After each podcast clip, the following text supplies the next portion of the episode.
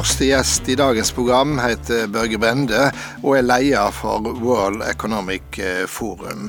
Her eh, hjemme husker vi han som framstående høyrepolitiker og statsråd i flere departement under Bondevik II-regjeringa, men kanskje mest som en svært så aktiv og synlig utenriksminister i Erna Solbergs første fire år som regjeringssjef. I forrige uke var Børge Brende vert for Donald Trump og 52 andre stats- og regjeringssjefer i den sveitsiske alpebyen Davos.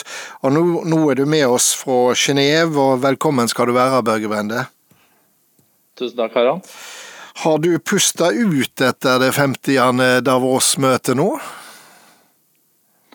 Det har jeg, men eh, det er jo nye utfordringer som venter de nærmeste månedene. Og det er jo en veldig polarisert verden, og nå har vi også koronaviruset som vi må forholde oss til. Og vi har også et stort kontor i Beijing med 70-80 ansatte. Så jeg er jo selvsagt bekymra for det, og i daglig kontakt med de. Så akkurat nå er det krisehåndtering pga. koronaviruset som står øverst på din eh, dagsorden? Blant annet. Så det ligner jo litt på den jobben jeg hadde tidligere, hvor det var mye krisehåndtering i så måte. Og da tenker du på tida som utenriksminister? Ja, det var jo fra krise til krise, men jeg, jeg mener, jo, jeg mener jo at det ble håndtert godt. Jeg er jo helt objektiv på det i det spørsmålet, selvsagt. Nei, jeg kan jo si mye om verden både før og etter at du var utenriksminister, men krisene har i hvert fall fortsatt. Ja, det er en verden som eh, er veldig urolig. og det sies jo at man har gått fra kald krig til en form for varm fred. Men nå begynner jeg nesten å lure på om det er varme stedfortrederkriger vi står midt oppi, og med alle de komplikasjonene det medfører. Også de humanitære krisene som er forferdelige å se. Og så har vi jo eh, også fått en del eh, nye statsledere som eh, setter sitt helt spesielle særpreg på, på, på verden. Og la oss bare få unnagjort det spørsmålet mange lurer på. Hvordan er det å ha Donald Trump på besøk? Det skaper iallfall svært mye oppmerksomhet. Og han hadde jo en tale i Davos, som um, var en tale som gikk mest på de økonomiske resultatene administrasjonen uh, fremholder at de har oppnådd i USA. Så hadde jeg jo den muligheten i desember å diskutere dette med Trump og staben hans i Det hvite hus. Så det var ikke like stor uforutsigbarhet denne gangen som første gang han var i Davos. Men med Donald Trump så er det jo mye aktivitet, og man vet jo aldri helt hva som skjer. I fjor så ble jo besøket avlyst i siste liten eh, pga. at den amerikanske eh, regjeringa og myndighetene var jo stengt ned pga. budsjettuenigheten. Men er det sånn at eh, når det kommer en eh, statsleder av Trumps kaliber, eh, og med sin voldsomme posisjon selvsagt som amerikansk president, som er kjent for sin uforutsigelighet, er det en slags sånn nervøsitet hos du og andre som er vertskap da?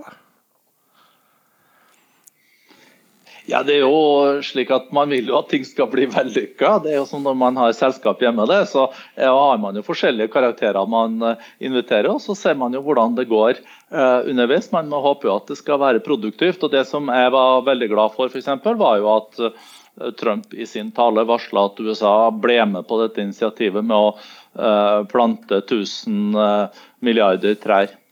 Men eh, apropos det med selskap hjemme, hvor vil du plassere Donald Trump da? Er han den litt sånn uh, uberegnelige onkelen som en ikke helt uh, aner om kommer til å trakke ut i salaten, eller om han kommer til å oppføre seg skikkelig mot svigermor? Eller om han kommer.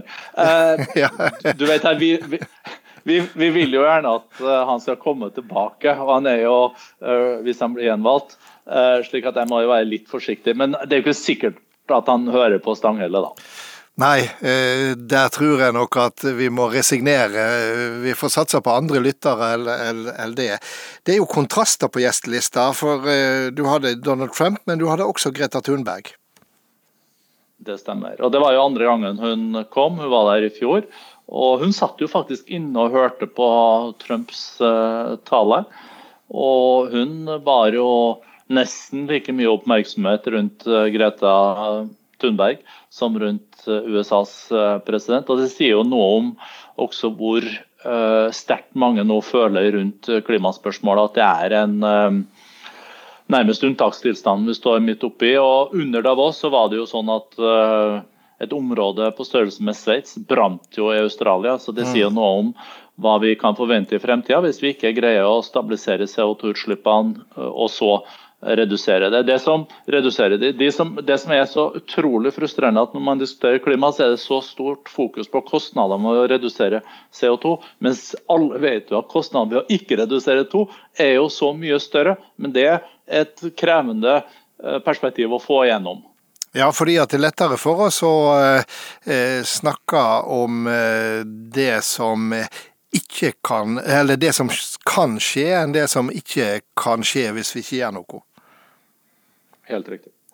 Du, Vi har jo snakka om gjestelister og vi har snakka om et par tema, men, men jeg, jeg, tror ikke alle av oss egentlig er klar over hva World Economic Forum egentlig er. Eh, hva, hva er ideen bak? Så den, uh, World Economic Forum ble starta i um, eh, 71-72 av professor Klaus Schwab. og Tanken var at man må bringe privat sektor sammen med offentlig uh, sektor og sivile samfunn for å virkelig kunne få fremgang i viktige globale spørsmål. Og Derfor så ble jo også World Economic Forum i 2015 eh, den internasjonale organisasjonen for offentlig og privat Eh, samarbeid. Så Det er jo rett og slett også for å mobilisere privat sektor. Eh, for å bidra i klima, kampen mot korrupsjon, bedre styresett. Eh, mange av de mest presserende globale utfordringene.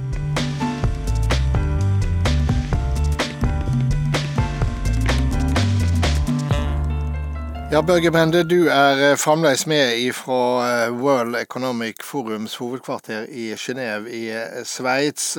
Og vi har snakka en del om det årlige Davos-møtet eh, som ble eh, avslutta forrige uke. Og temaet i år det var jo partnere for en sammenknyttet og bærekraftig verden.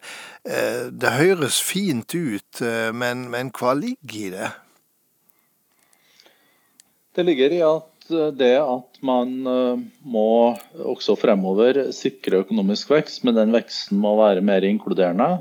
Den eh, må skape flere jobber, og den må være bærekraftig. Og vi er ikke, øh, vi, vi, er ikke på rett spor for å oppnå dette. så Derfor så ønsker vi også å mobilisere bl.a. privat sektor for å oppnå en mer bærekraftig utvikling. Og så ser jeg jo at i et så eh, tungt økonomisk forum med så mange rike mennesker, så mener dere at økende ulikhet faktisk har store kostnader, og derfor har satt det på, på dagsordenen? Helt riktig. Globalisering gjennom de 30 siste årene har jo bidratt til en eh, enorm mulighet for mange mennesker, ikke minst i fremvoksende økonomier så vi har sett at hundrevis av millioner har eh, jobba seg ut av fattigdom. Men i industrialiserte land så har vi sett at uh, ulikhetene har økt, og også en del av de uh, fremvoksende økonomiene. Og legitimiteten til en sosial markedsøkonomi må være at alle har like muligheter, og at alle får del i denne verdiskapinga. Og Der må man rett og slett bruke nasjonale politiske verktøy Eh, for å også utligne eh, ulikheter i større grad enn man gjør i dag. Fordi eh, det skaper faktisk stor usikkerhet og uro hvis man ikke har harmoniske samfunn hvor alle føler at de tar del av denne rikdommen. Men er ikke tilliten til markedsøkonomien svekka de siste åra? Nå er vel det slik at markedsøkonomien kanskje er det eneste alternativet vi har. og sånn sett er det jo eh, slik at Mye av samfunnskritikken blir retta mot eh, markedsøkonomien. For det første så må det være en sosial markedsøkonomi. Eh, markedet er et virkemiddel og ikke målet. Målet er jo harmoniske samfunn med like muligheter.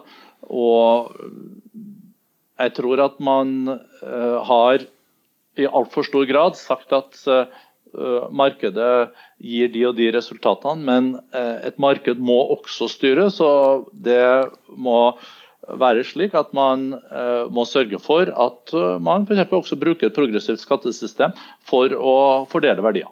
Men kan du, kan du, forstå de som kritiserer markedsøkonomien og, og, og, og den liberale utviklinga du har sett på den økonomiske sektoren de siste ti åra?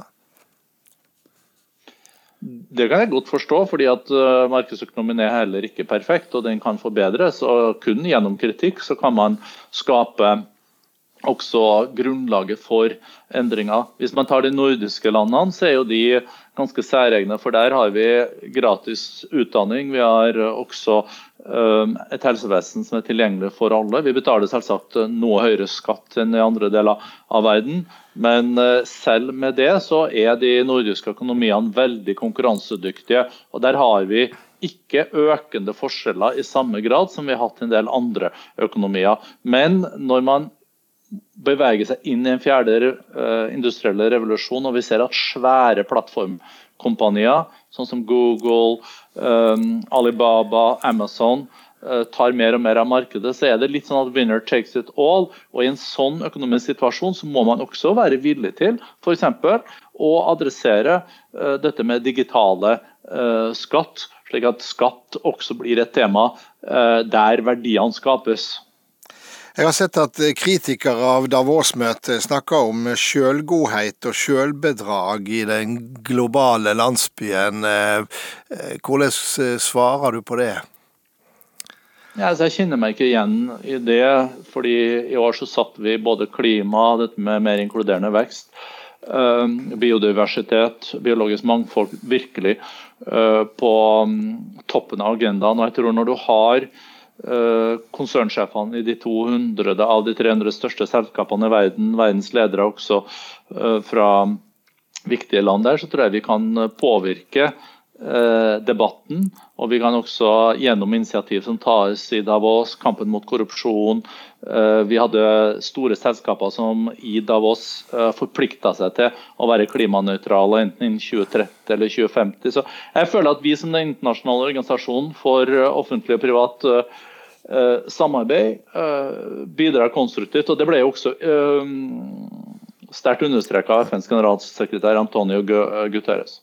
Da økonomen Kalle Moen i forrige uke var spurt av Aftenposten om betydningen av Davos-møtet, så viste han til sin favorittøkonom Adam Smith og mente at Smith eh, ville sagt at rike forretningsfolk sjelden møtes uten å pønske ut noe som er til skade for samfunnet. Det, det høres ikke bra ut, Børge Brende?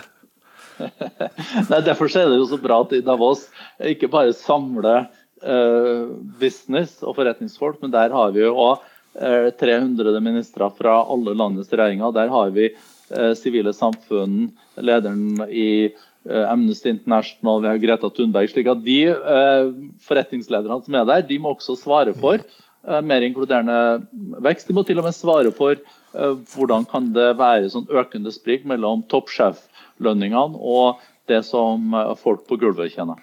Du er en av de som gjennom mange år gjorde det sterkt gjeldende i norsk politikk, og det blir vel for dumt å spørre deg om du savner vår heimelige politiske arena. Derfor så tror jeg heller jeg skal spørre deg om hva er du mest glad for å slippe i den norske politiske andedammen?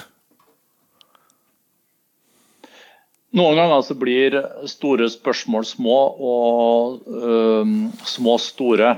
Så jeg er glad for ikke å være nødt til å forholde meg til en mediedrevet uh, dagsorden hver dag. Men samtidig vil jeg understreke at uten mediene og frie medier, så har vi ikke noe demokrati.